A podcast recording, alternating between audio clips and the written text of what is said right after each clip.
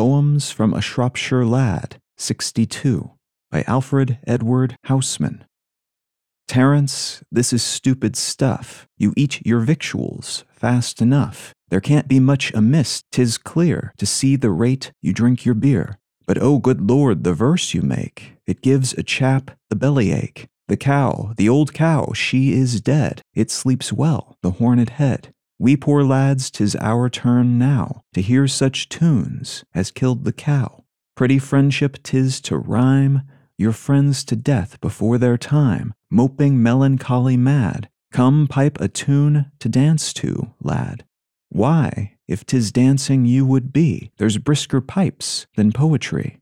Say, for what were hop yards meant, or why was Burton built on Trent? Oh, many a peer of England brews livelier liquor than the Muse, and malt does more than Milton can to justify God's ways to man. Ale, man, ale's the stuff to drink for fellows whom it hurts to think. Look into the pewter pot to see the world as the world's not.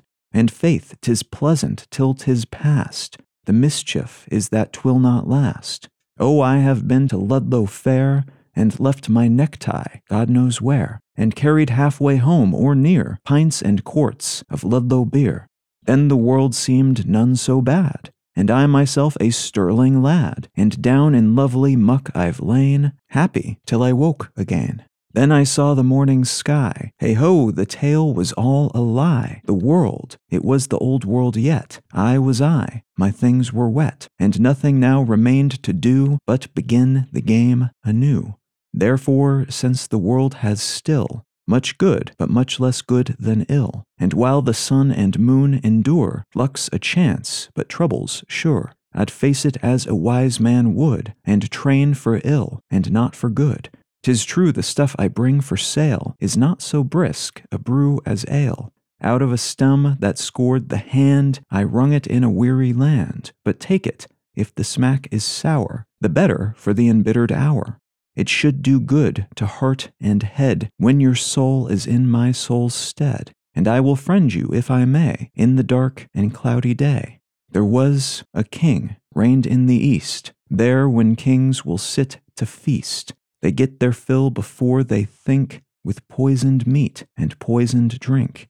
He gathered all that springs to birth from the many venomed earth. First a little, thence to more. He sampled all her killing store, and easy, smiling, seasoned sound, sate the king when healths went round.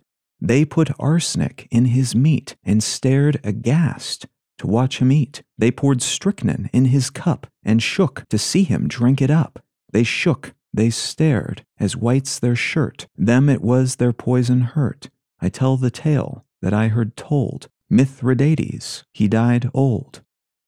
Poems from a Shropshire Lad, 62, by Alfred Edward Housman.